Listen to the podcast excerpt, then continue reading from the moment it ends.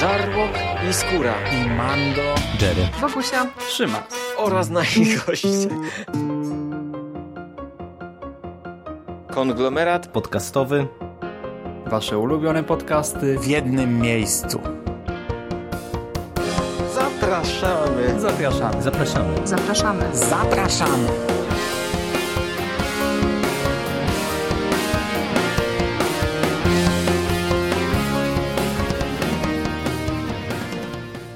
Cześć, witamy Was w kolejnym odcinku konglomeratu podcastowego. Z tej strony Michał Rakowicz, czyli Jerry. I jest ze mną drugi Michał, Michał Ochnik z Mistycyzmu Popkulturowego. Witam Cię, Michale. Witam, witam Ciebie, Jerry, witam wszystkich.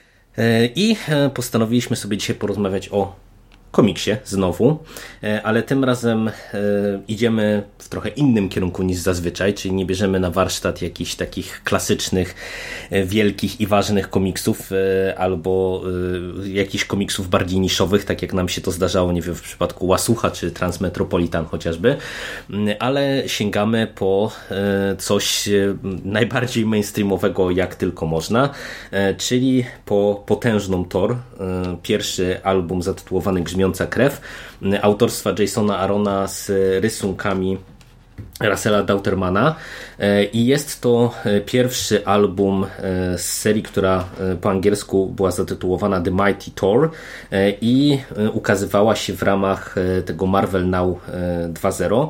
No i tak też ukazuje się w Polsce, czyli mamy już ten czarny grzbiet w odróżnieniu od tych białych grzbietów, które nam towarzyszyły w przypadku Marvel Now. No i to jest e, tak naprawdę pierwszy album e, serii e, z Jane Foster w roli Tora. My już dostaliśmy tak naprawdę dwa pełne komiksy właśnie z nią w roli Tora, po tym jak mm, Odinson stał się niegodny i to ona podniosła Mjolnir. Natomiast dwa wcześniejsze albumy tak naprawdę to było takie trochę rozstawianie klocków na szachownicy i wprowadzenie tej postaci. Jeżeli ktoś tych albumów nie czytał, to pierwszy tom się skupiał bardzo mocno na samej tajemnicy kim jest kobieca wersja Tora e, e, i, jak do tego doszło, że mm, Odinson e, stał się niegodny. Drugi album to z kolei było właśnie ujawnienie już tożsamości zaprezentowanie Jane Foster jako tej, która w tej chwili jest właścicielką Mjolnira, no i pewnych konsekwencji, jakie to ujawnienie ma dla świata Tora, czyli dla Asgardu i wszystkich okolic. Tutaj e, już wchodzimy w serię z Jane Foster, e, można powiedzieć, na poważnie. Jest budowana większa narracja, która tak naprawdę z perspektywy czytelnika zachodniego skończyła się w pewien sposób e, całkiem niedawno, bo mieliśmy ten duży event komiksowy, który był duży, ale właśnie się skupiał głównie na wątkach rozpisanych przez Arona e, w tej serii i seriach e, z Torem i pobocznych, e, ale no, my pewnie do tego eventu dojdziemy za jakiś czas. Dzisiaj rozpoczynamy drogę z Jane Foster i na początek Michale, ja Cię zapytam, bo ja nagrywałem podcast o tych pierwszych dwóch albumach. Wiem, że Ty pisałeś teksty o tych komiksach, na pewno o pierwszym, w sumie nie pamiętam, czy o drugim też się wypowiadałeś. Też nie pamiętam, szczerze mówiąc, ale czytałem, jak najbardziej bardziej czytałem. Mam go na półce, nawet sobie odświeżyłem przed, y, no, przed tym, jak umawialiśmy się na nagranie. No, to widzisz, to idealnie. To tak w dwóch zdaniach bym Cię chciał zapytać, bo ja odeślę do swojej opinii do podcastów tak naprawdę, że w sumie e, ja byłem bardzo zadowolony i szalenie mi się podobało to, co Aaron e, jakby buduje w tych pierwszych dwóch albumach, e, w tych albumach, a jak Ty znajdujesz właśnie ten początek, to otwarcie? Były ok, według mnie. Znaczy, to pewnie jest kwestia tego, że ja, yy, i to pewnie będzie się przewijało przez całą naszą audycję, yy, ja nie jestem fanem postaci Tora. Yy, nigdy nie byłem.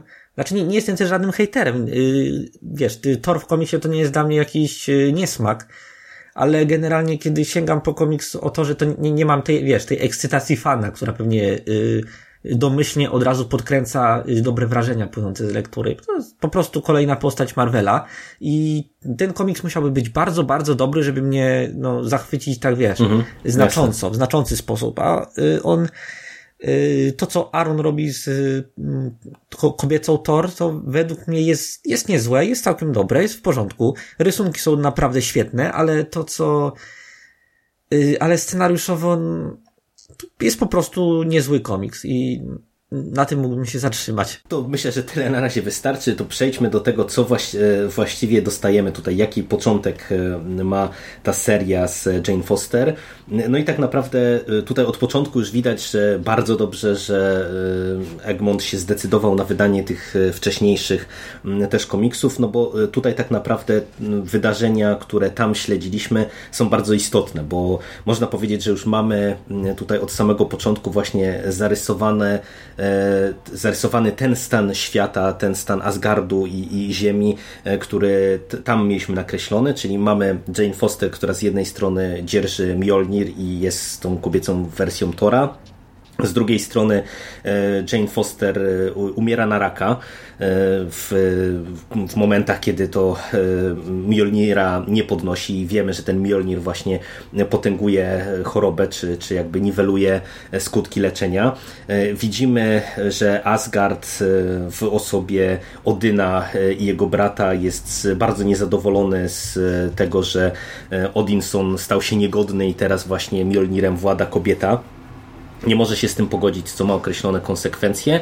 No i przede wszystkim też widzimy dalszy ciąg e, poczynań Malekita, który e, pojawił się e, właśnie w tych wcześniejszych tomach i tam mieliśmy początek intrygi, która była nam w zasadzie tak tylko zasygnalizowana, czyli tej próby podboju Malekita wespół z między innymi z ludźmi z korporacji Exxon oraz jak tutaj się dowiadujemy em, z innymi wilanami z e, tego uniwersum, e, bo tutaj mamy coś na kształt e, takiej złej rady, e, czy złej jakiejś ligi, e, która właśnie próbuje Malekita wesprzeć w tych działaniach, czyli śledzimy e, podbój Malekita kolejnych światów. E, No i tyle e, jakby jeżeli chodzi o fabułę i chciałbym krótko przejść właśnie przez te poszczególne wątki. Najpierw Michale zapytam Cię o ten motyw Jane Foster i, właśnie jej choroby oraz tego co się dzieje w Asgardzie.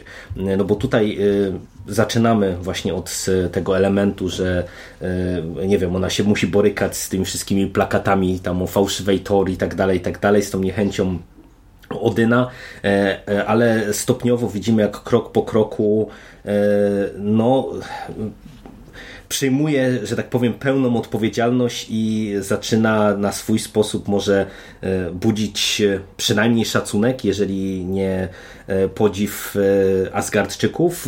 Jak Ci się podobało rozpisanie tych dwóch tak splecionych ze sobą wątków, czyli właśnie choroby i, i tego wątku as asgardzkiego, jeżeli chodzi o Jane Foster? Znaczy, y, jako, pomy jako pomysł napra naprawdę to mi się podoba, ponieważ y, Aaron tutaj idzie w kontrasty. Z jednej strony mamy, wiesz, y, umierającą, podłączoną do kroplówki, wiesz, przechodzącą kolejne chemioterapię Jane, a z drugiej strony mamy tą silną, potężną Thor. I one są cały czas ze sobą związane. Jane wie, że y, przemiana w Tora jednocześnie ją y, daje jej siłę, jak i odbiera jej życie w pewnym sensie, ponieważ y, cofa wszystkie rezultaty y, leczenia. Więc y, y, te kontrasty są fajne, ale Aaron niewiele z nimi robi, odnoszę wrażenie. Po prostu przedstawił taką sytuację i z góry założył, że samo jej przedstawienie da nam, yy, znaczy spowoduje pewien, yy, pewną reakcję emocjonalną na czytelniku. Mm, To trochę tak, ale wydaje mi się, że z tym wątkiem można było zrobić znacznie więcej. Nie wiem, przedstawić jakieś inne dylematy, które wiążą się z tą yy, dwoistością natury y, nowej Thor. Yy, Dało się to No zrobić ten- lepiej, ten- ale to, co mamy, jest całkiem niezłe, bo e, Aaron jest dobrym, y, Aaron jest wprawnym scenarzystą i y, na, nawet jeśli robi coś po łebkach, to robi to kompetentnie, więc y, w sumie okej. No na ten moment to faktycznie, jeżeli chodzi o ten wątek choroby, to y, dostajemy tutaj relatywnie niewiele, natomiast y, to, co mówisz, że to jest opatrzone na określone efekty emocjonalne, to ja muszę przyznać się, że na mnie to akurat y, działa. I tak jak się zgadzam, że faktycznie aż to się prosi o jakieś rozwinięcie, co z tego, co ja się orientuję, to to będzie eksplorowane w dalszych e, odsłonach tej serii, natomiast no, póki co w tym pierwszym albumie to jest, można powiedzieć, tylko taki tak zasygnalizowane. No a co z tym wątkiem asgardzkim i tym konfliktem z e, Odynem, jego bratem i z tą niechęcią Asgardczyków, przynajmniej części Asgardczyków wobec e, nowego Tora? Znaczy to mi się wydaje strasznie klasyczne, bo wiesz, i Spider-Man był y, zawsze częścią jego mitologii było to, że jest nienawidzony przez y, policję, przez otoczenie przez media no, Jamesona, y, z X-Men też tak zawsze było. Y, Daredevil też się często przewijał jako taka postać spoza granicy prawa w kontraście do Mata Mardoka. Chodzi o to, że te, ten motyw, że wiesz, że postać jest nienawidzona przez otoczenie, które mu próbuje pomóc, to ani nie jest nowe, ani nie jest oryginalne i Aaron Aaron chyba też niewiele z tym robi, wydaje mi się. To znaczy, yy, to dostarcza łatwego konfliktu, bo yy, wszystkie postacie są sceptycznie nastawione do nowej Thor i ona najpierw musi je przekonać do, do tego, że jest godna zaufania, wiesz, że, że jest godną następczynią tego Tora, którego znają. Albo w, w, przypadku wrogów musi ich przekonać, że jest takim samym zagrożeniem dla nich, jak ten ich wcześniejszy Thor. Ale Aaron też znaczy, to co z tym robi jest kompetentne i yy, działa, ale według mnie to nie jest coś specjalnego. I to, to, to chyba jest y, rzecz, którą mogę powiedzieć o wielu komiksach, znaczy o wielu wątkach i motywach z tego komiksu. No tutaj y, paradoksalnie to też jest wątek, który mam wrażenie, że zszedł na drugi plan. To był taki główny element tego drugiego e, albumu podprowadzającego do tej serii, e, no bo tam e, jakby to ujawnienie tożsamości no rozsierdziło Odyna bardzo mocno. Tutaj to jest gdzieś tam w tle, to wraca tak naprawdę w części finałowej tego komiksu, ale tak jak mówisz, mimo że to jest jakby klasyczne, to podoba mi się w ogóle, że ten wątek cały czas jest konsekwentnie prowadzony i konsekwentnie realizowany, tym bardziej, że to co jest najciekawsze, to wydaje mi się, że to to, co wspomniałeś o tym, że ona nie tylko musi jakby udowodnić Asgardczykom, że e, jest e, jakby godna e, noszenia Mjolnira i, i tej schedy po torze Odinsonie, ale też przede wszystkim właśnie, że musi zaprezentować się wrogom, bo to jest, mam wrażenie, element, który tutaj wypada ciekawiej. W tym sensie, że w zasadzie, kiedy tutaj no już się mierzymy z naprawdę zagrożeniem potężnym, no bo widzimy, że te knowania Malekita, które tak jak mówię, w tych wcześniejszych albumach one były gdzieś tam zasygnalizowane, my jeszcze nie czuliśmy tej skali, to tak tutaj tak naprawdę no, wchodzimy e, od razu w konflikt na bardzo potężną skalę, gdzie okazuje się, że właśnie Malekin połączywszy siły z e, całą tą złowrogą ferajną, że się tak wyrażę, no naprawdę e, jest bardzo dużym zagrożeniem dla wszystkich światów, co kapitalnie moim zdaniem akurat było wprowadzone takim jednym ruchem e, z tymi spadającymi elfami e, gdzieś tam w kosmosie, e, które nagle zaczęły stanowić zagrożenie tam dla satelitów kręcących się wokół Ziemi na przykład, albo jak, jest, jak mamy taką dużą planszę, kiedy widzimy ta, całą tą armię Roxon sprzymierzonego z całą tymi olbrzymami i całą tą ekipą Malek I tam widzimy po prostu takie pole bitwy, które no, nie pozostawia złudzeń co do tego, że mamy do czynienia z naprawdę potężną siłą.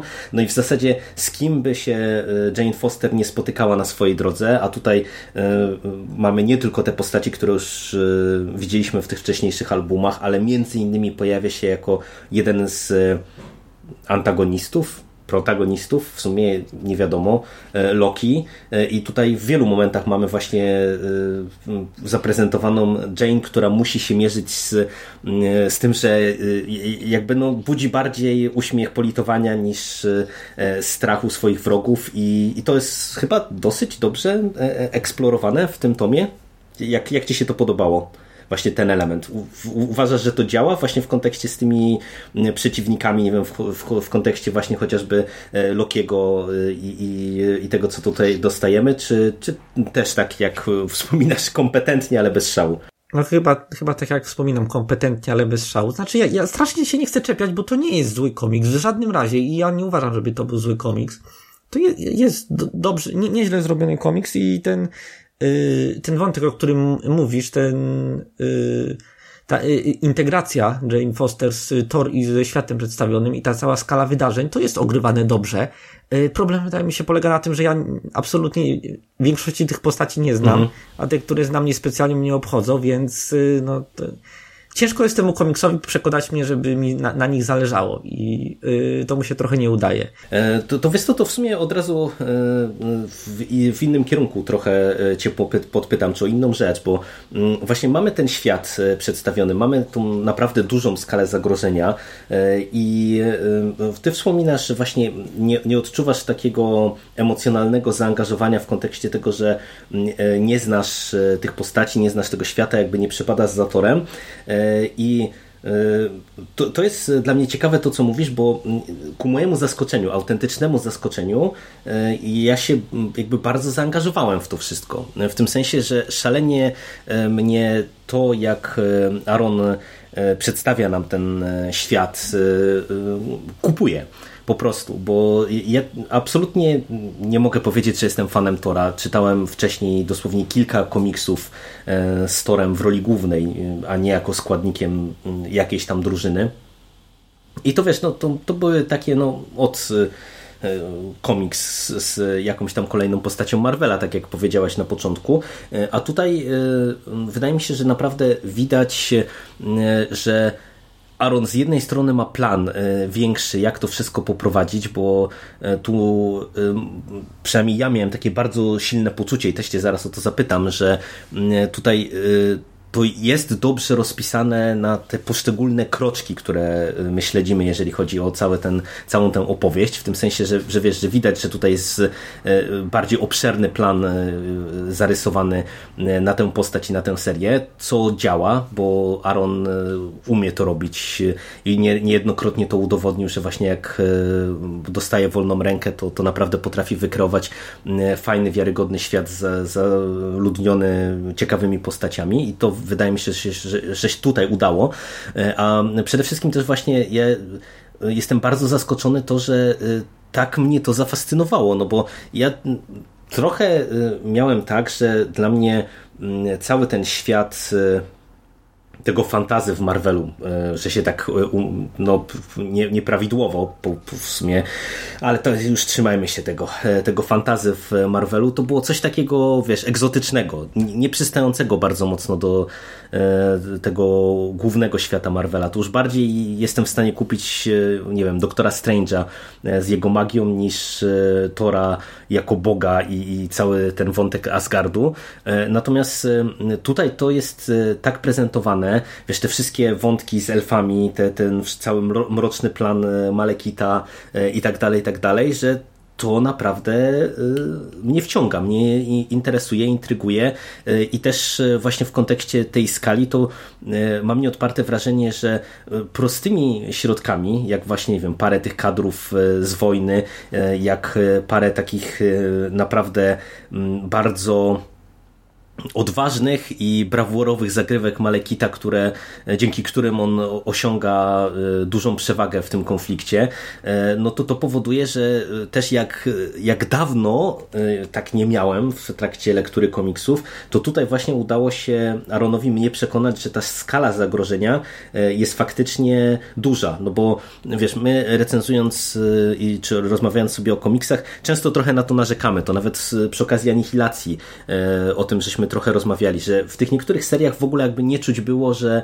że my mamy do czynienia z konfliktem e, na skalę galaktyczną, nie? że tam w niektórych momentach to czuć i to jest robione dobrze, ale czasami to jakby, nie wiem, gdzieś się to, to wszystko gubiło, a tutaj e, jakby to jest odczuwalne, no i jak właśnie w tym kontekście tego świata przedstawionego, no bo mówisz, że nie, jesteś jakby fanem Tora, ale ten, to, to, to jak Asgard y, i, i, ten wieloświat cały, właśnie ten, ten mroczne elfy, cała ta mroczna rada jest przedstawione, y, czy to cię jakoś przekonuje? Zachęca cię w ogóle do sięgnięcia właśnie po kolejne tomy? Y, czujesz jakieś napięcie z tym związane? Znaczy ja na pewno sięgnę po kolejne tomy, bo Egmont mi je będzie przesyłał za darmo, więc no, wiesz. Y, ale czy zachęca? Znaczy, trudno powiedzieć. To wszystko, o czym ty mówisz, E, mnie, mnie to trochę dziwi, bo ja, ja tego nie czuję. Ja y, ro, rozumiem, co ty masz na myśli, że y, wiesz, ustawienie skali wydarzeń, pokazanie tych wszystkich światów y, jest, jest kluczowe, jeśli chodzi o stworzenie takiej opowieści naprawdę epickiej, na której będzie nam, znaczy, którą, która będzie nas pasjonowała, ponieważ widzimy, jak wielka jest skala wydarzeń, ale ja w tym komiksie niespecjalnie tego czuję, bo poza Ziemią i Asgardem, znaczy, wiadomo, Midgard, Ziemia, mhm i poza Asgardem to my nie mamy żadnego głębszego wejrzenia w te światy, w, w zwyczaje, jakie na, na, nich panują, w bohaterów, którzy ich zamieszkują. Nie, nie ma czegoś takiego jak. Nie, nawet jak w Gwiezdnych Wojnach, że wiesz, pokazują ci świat, pokazują ci ludzi, którzy tam mieszkają, jakie tam stosunki społeczne panują, mhm. że mamy Yy, wiesz, jakichś handlowców, yy, ktoś, jakiś, jakiś dzieciak niewolnik z pustyni, ktoś, kto by był takim naszym, taką naszą kotwicą empatii w danym świecie. Mhm. Dla mnie to, to wszystko tak naprawdę utonęło w tym całym kolorowym przepychu ilustracji yy, i szybko przestało mnie interesować. Znaczy, te światy są pokazane, ale nie pokazano mi nic, co by sprawiało, że zależy mi na tym, by te światy przetrwały i żeby miały się dobrze. Okej. Okay. Spoko. E, no to y, przejdźmy w tym układzie może do rysunków, no bo fabularnie myślę, że wszystkie te główne wątki y, żeśmy y, nakreślili. Nie będziemy tutaj wchodzić w spoilery, to myślę, że jak sobie porozmawiamy o kolejnym tomie... trochę o Lokim. A, okej, okay. to możemy jeszcze w sumie Lokiego, Lokiego poruszyć, jak, jak najbardziej. O, on jest według mnie jak wszystko w tym komiksie. Jest dobrze napisany, ale jest napisany strasznie klasycznie, strasznie sztampowo. Wiadomo, że on, wiesz, siedem razy zmienia strony, a pod koniec okazuje się, że to wszystko było częścią jego planu. To jest taki Loki, którego znamy z Marvel Cinematic Universe, to jest taki Loki, którego znamy z miliona komiksów Marvela i dla mnie to jest... On jest napisany dobrze, tak jak Aaron, bo Aaron jest dobrym scenarzystą. On y, chyba, chyba nawet y, całkiem świetnie rozumie tę postać. Y, pojawiła się bardzo sympatyczna scena, która mi się podobała, w której Loki przywołuje swoje inkarnacje z przeszłości. Mhm E, I tam jest Kid Loki, tam jest e, e, Loki z, kobieca wersja Loki z komiksów Straczyńskiego. Kurczę, komiksy Straczyńskiego o to, że były naprawdę dobre. No, nie, nieważne. W każdym razie spodobała mi się ta scena, w której ten, y, pojawiają się te różne inkarnacje Lokiego i on tak jakby rozszczepa swoją osobowość na nie y, i dzięki temu walczy z Thor. To było fajne, kreatywne. Ale poza tym, no, klasyczny Loki. Tu w sumie mam dosyć podobną opinię. Y, mamy tutaj taką klasycznie pisaną postać, ale wydaje mi się, że to działa. Tym bardziej, że tu póki co y, ja do końca y, jeszcze nie wiem, po której stronie Loki gra. I to, to jest dla mnie największa zaleta rozpisania Lokiego w tym albumie.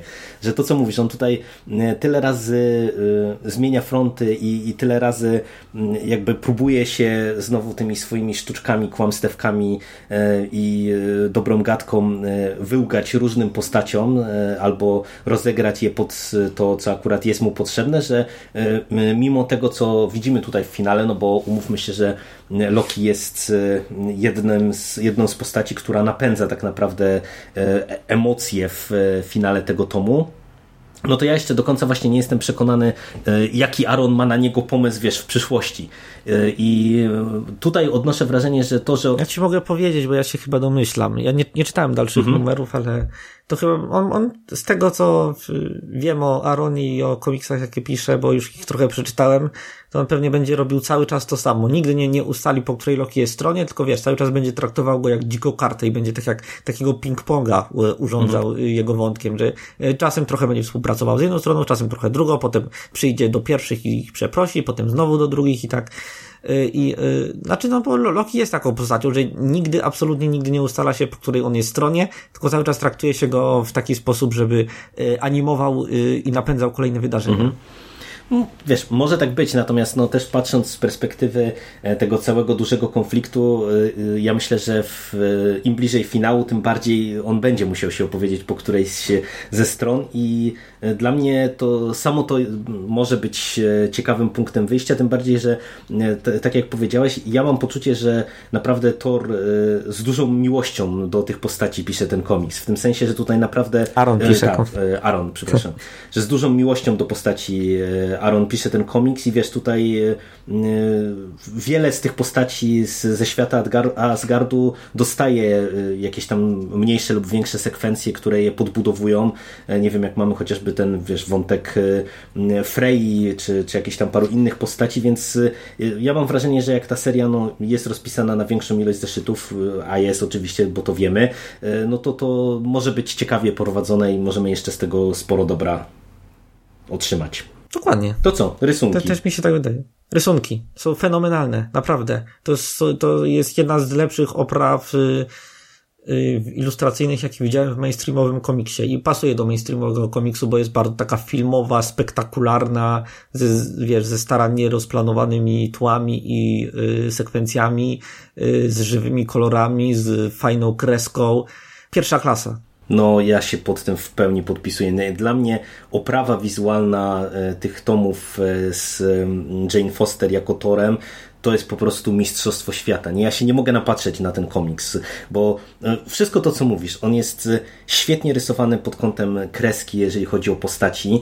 E, jest bardzo dynamicznie prowadzony, bo tutaj mamy cały czas jakąś zabawę kadrami, nie? że mamy mieszane, nie ma takich jakichś, nie ma stałego układu kadrów, tylko tu na, naprawdę co strona to jest to robione pod potrzeby scenariusza, co wielokrotnie po prostu daje genialne efekty, e, gdzie dostajemy kadry, które e, naprawdę potrafią nam zapaść w pamięć, nie jak właśnie są chociażby te, te kadry z wojny, gdzie tam mamy te nietoperze z bombami, co, co było dla mnie po prostu fenomenalne, te, te kadry z tymi czołgami rozjeżdżającymi jednorożce, mamy przecież taki kadr jak Jane Foster w którymś momencie spada z nieba, który jest pięknie też pokazany, ale też świetnie Dauterman prowadzi i walki, w tym sensie te wszystkie dynamiczne sekwencje, takie bezpośrednie starcia.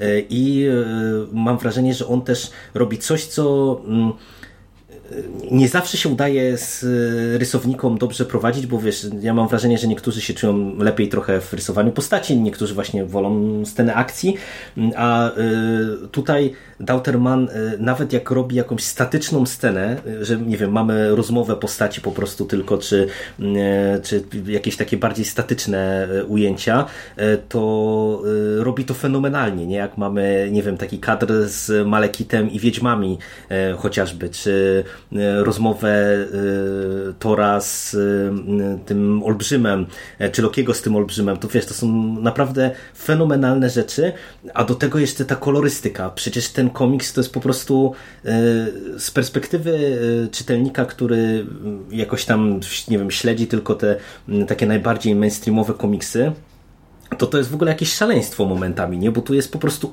orgia kolorów.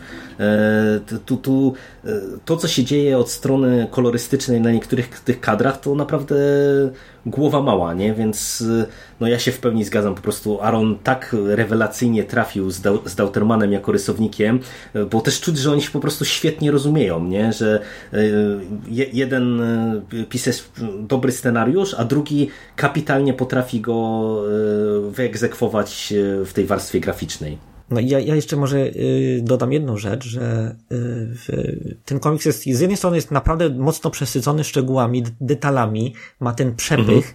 ale z drugiej on nigdy nie przytłacza. Ja tak miałem przy Strange'u. Nie pamiętam, kto go ilustrował, ale y, też było podobnie, mhm. że było mnóstwo rzeczy, ale on strasznie przytłaczał tymi szczegółami i odwracał uwagę, od, rozpraszał po prostu tymi wszystkimi szczegółami, które były naprawdę świetnie narysowane. Tutaj tego nie ma, tutaj jest ten komiks jest barokowo bogaty, jeśli chodzi o detale, o różne, wiesz, nie wiem, ferie barw, kolorów, yy, mnóstwo szczegółów, mnóstwo ekspresji postaci, mimik, ale to yy, nigdy nie wybijacie z, wiesz, z czytelniczego rytmu. Mhm. Nigdy nie jest tak, że wiesz, że nagle się zagapisz na coś i przestajesz, tracisz flow czytelniczy. Tu jest wszystko świetnie, znakomicie zrównoważone.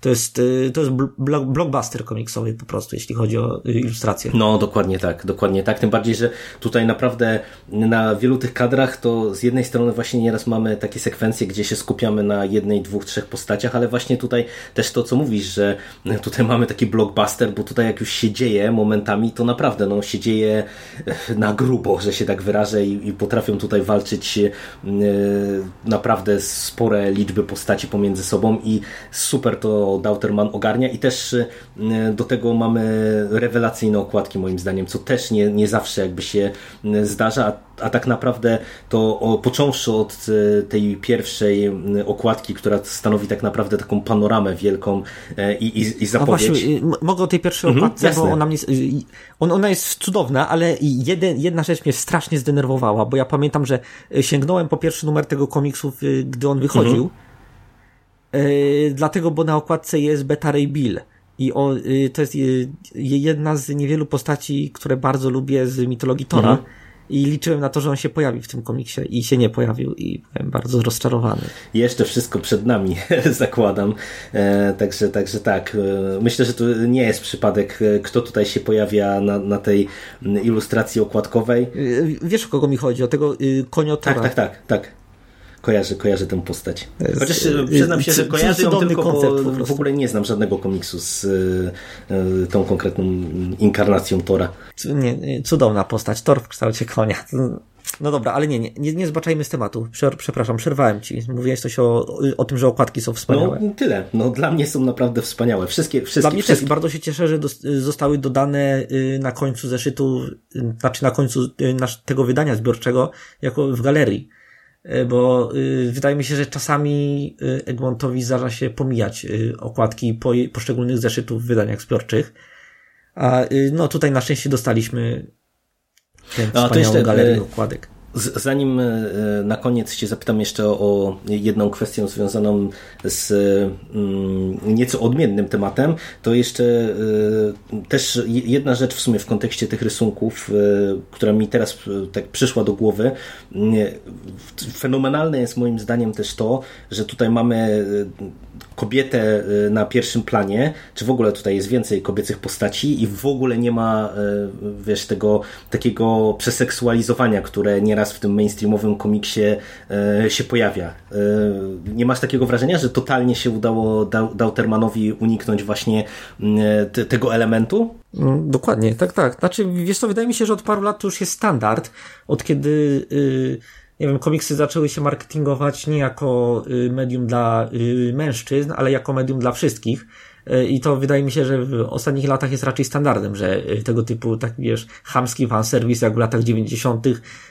już nie uchodzi. Mhm. Więc okej, okay. znaczy nie zwróciłem na to uwagi, ale to też jest kwestia tego, że to już jest dla mnie standardem. Jasne. Zwróciłbym uwagę na to, gdyby to było i pewnie bym to krytykował, więc nie wiem pod tym względem jest to. To na koniec e, ostatnia rzecz, tak jak mówię, już trochę niezwiązana bezpośrednio z e, tym komiksem. O, według mnie bardzo związana. No, czy, czy, no, no tak, może be, be, nie bezpośrednio związana z tym albumem, o to tak doprecyzuję. E, a mianowicie okay. my zaczynamy przygodę z potężną Thor, a tak naprawdę no, na ostatnim San Diego Comic Con dostaliśmy oficjalną informację co do planów Disneya na rozwój MCU i, i między innymi mamy potwierdzone to, że Jane Foster wróci w roli Tora także w Marvel Cinematic Universe i jak E, jak znajdujesz tę informację? Czy to jest e, dla ciebie dobry ruch, dobry pomysł, e, patrząc chociażby właśnie na ten komiks z Jane Foster w roli Tora? Kupujesz taką wersję Tora w filmie? No zdecydowanie, szczególnie, że w kontekście Marvel Cinematic Universe odnoszę wrażenie, że już o oryginalnym torze wszystkie godne opowiedzenia historii zostały opowiedziane, lepiej albo gorzej, więc teraz zostawałoby albo tylko powtarzanie tych w różnych wariantach, wie, że Thor, nie wiem, musi y, udowodnić, że jest godny tronu, że Thor musi obronić swoich ludzi, że Thor musi pokonać Loki, a nie, Lokiego już nie musi pokonać, bo Loki nie żyje. A, spoiler. Y, w każdym razie, y, to już byłoby trochę powtarzalne, a teraz, gdy dostajemy nową Thor, dostajemy nową sytuację, która jeszcze nie była nigdy eksplorowana na wielkim ekranie, a w komiksach jest, eksplorowana dopiero od niedawna, więc może z tego wyjść coś naprawdę świeżego. Ja osobiście mam nadzieję na dwie rzeczy. E, na jedną, że dadzą ten wątek z walką z nowotworem mhm. i przeprowadzą go lepiej niż w komiksie. Znaczy, lepiej niż to, co do tej pory czytałem w tym temacie. A drugi, mam nadzieję, że pojawi się Spider-Man. tak, tak, nie, nie, nie mogą się powstrzymać od tego y, tej y, drobnej złośliwości w stosunku do tej całej sytuacji Marvelsony. No, to co jeszcze się tutaj okaże w kontekście Spy- Spidermana to zobaczymy, natomiast no, ja powtórzę to co mówiłem w przekaście. Ja jestem zachwycony informacją e, o tym, że e, Jane Foster powróci w roli Tora, bo w dużej mierze ja się zgadzam z tym co mówisz. No, już abstrahując od wszystkiego i od tego jak bardzo mi się ten komiks podoba, bo ja naprawdę uważam, że to jest wysoka półka, jeżeli chodzi o ten komiks mainstreamowy, to no, Thor w MCU jest dosyć mocno wyeksploatowany i e, patrząc też chociażby na chemię pomiędzy postaciami, to ja zdecydowanie Wiesz, to mo- może słowo chemia w, wiesz, w kontekście tego, co przeżywa Jane Foster, to nie, nie jest najfortunniejsze ale wiesz, mi chodziło więc- o, o Tora, Nie, o nie, Tora wiem, w- rozu- rozumiem, nie, tylko właśnie otworzyłem sobie komik, zacząłem tutaj te sceny w szpitalu i ty nagle tutaj chemia. No, no, to tak, no tak, jest. to Nie, nie, nie, nie, nie, nie, niezbyt szczęśliwie, natomiast e, mi chodziło jeszcze o e, Tora w inkarnacji klasycznej, jako Odinsona, no to wiesz, to on ma niezłe, e, nieźle rozpisane relacje chociażby właśnie z całą tą ferajną ze Strażników Galaktyki, e, no i, i przecież wiemy, jak kończy się Endgame z perspektywy e, Tora i ja e, tak naprawdę to, Ja nie wiem, jeszcze nie no widziałem. to nie będę ci Endgame. spoilerował, natomiast... A, może spoileru, ja już... A, spokojnie, to najwyżej po podcaście, żeby też ludziom tu nie psuć zabawy, jeżeli ktoś jeszcze nie No widział. dobra, Natomiast e, efekt jest taki, że ja totalnie widzę Tora wyprowadzonego pomiędzy, po, poza jakby obręb, wiesz, tych klasycznych filmów o Torze, które się skupiają na Asgardzie i na, na postaci Tora e, i tak, e, że dostaniemy po prostu film, który e, będzie mógł postawić w centrum Valkyrię, Jane Foster i, i ten nowy Asgard i, i to może być naprawdę super. Czekam bardzo. Tylko, nie wiem, trochę się przejmuję, czy y, Natalie Portman uciągnie tę rolę. Ona jest bardzo dobrą aktorką, ale ona ma y, taki nie, niefortunny nawyk występowania w naprawdę fatalnych y, hollywoodzkich blockbusterach. Bo wiesz, jak wdepnie w, nie wiem, jak- jak wdepnęła w Gwiezdne Wojny, to wdepnęła w y, trylogię prequeli, a jak wdepnęła w Marvel Cinematic Universe, to wdepnęła w najsłabszą, y, powszechnie uznawaną za naj, najsłabszą część y, uniwersum, więc y, no, Znaczy wiesz to, to, Znaczy- to też, y, y, tak jak te, też z chłopakami dyskutowaliśmy w przekaście, to chyba Sik podnosił właśnie też ten element w kontekście Natalie Portman, a Tak, tak, Sik chyba wspominał, że ona jest bardziej taką stonowaną Tak, tak. aktorką, bardziej powściągliwą w swojej grze aktorskiej, co może się trochę, y, y, może ją to trochę ograniczać, jeśli będzie chciała grać ekspresywną Thor, ale wiesz co, szczerze mówiąc fajnie by było, jakby zatrudnili drugą aktorkę do jej y, torowej inkarnacji, a Jane Foster była dalej grana przez Natalie Portman, bo Na- Natalie Portman spokojnie uciągnie granie y, umierania na raka. O Jezu, ale to strasznie niewrażliwie zabrzmiało, przepraszam.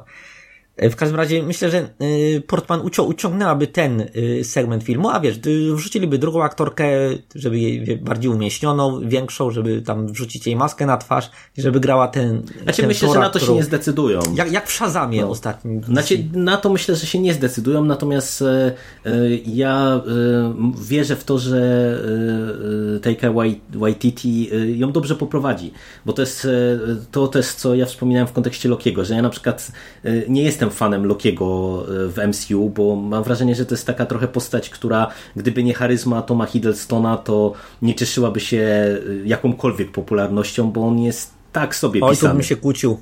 Tu bym się kłócił. Pierwszy film, jaki był, taki był, ale on świetnie wybudował to y, Lokiego jako postać. Ale wiesz, ale to właśnie to, to pierwszy głębię. film, ale później to, co z nim robiono przez tak naprawdę kolejne wszystkie odsłony, no to mam wrażenie, że Znaczy, trochę... a, a, a co, co z nim robiono? W Mrocznym Świecie chyba akurat naprawdę świetnie pokazano jego relacje z matką, pokazano jego charakter ten dwulicowy, y, pokazano jego aspiracje, więc y, wiesz co, w to, y, Tory nie były najlepszymi filmami, ale jeśli chodzi o Lokiego, to dobrze go prowadziły i całkiem spójnie, więc... Znaczy, nie, nie wiem, ja nie mam przekonania, ale też y, u mnie na opinii o Lokim y, niestety bardzo mocno ciążą Avenger, Avengersi, wiesz, i to, to co się tam... Nie, Avengers to był e, fatalny film. Później coś, co jakby z nim robiono i jak go wykorzystywano i, i wiesz, i, i, i może też dlatego ta moja opinia o nim jest taka sobie. E, Natomiast właśnie y, mówię o, o ręce reżysera, no bo przecież y, w to, że Ragnarok y, uważam, że właśnie Loki był fajnie prowadzony, jakby tak jak mówisz, że nie wiem, że były fajnie,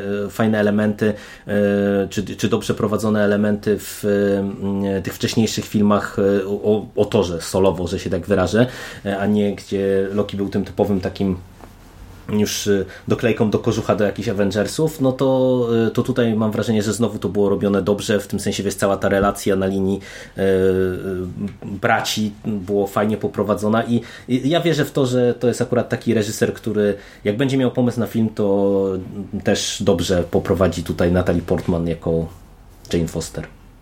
No, zobaczymy. Ja w każdym razie czekam z umiarkowanym entuzjazmem. No to cóż, I naprawdę mam nadzieję, że pojawi się w nim Spider-Man w gościnnej roli. Przepraszam. no to co, cóż, e, myślę, że na, na dzisiaj to tyle. E, Dziękuję Ci bardzo Michale za rozmowę. Ja tobie również No i dziękuję. pewnie do usłyszenia w przyszłości przy okazji jakiegoś kolejnego nagrania. Chyba następny mamy teraz Metropolitan. Tak, pewnie tak. Już wielki finał. Nie mogę się doczekać. Tak jest. Ja też. To dzięki jeszcze raz i do usłyszenia. Cześć. Nie ma sprawy. Cześć, cześć.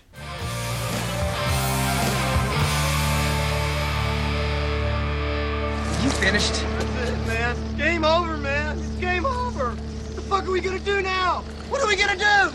It's over. Nothing is over! Nothing! You just don't turn it off!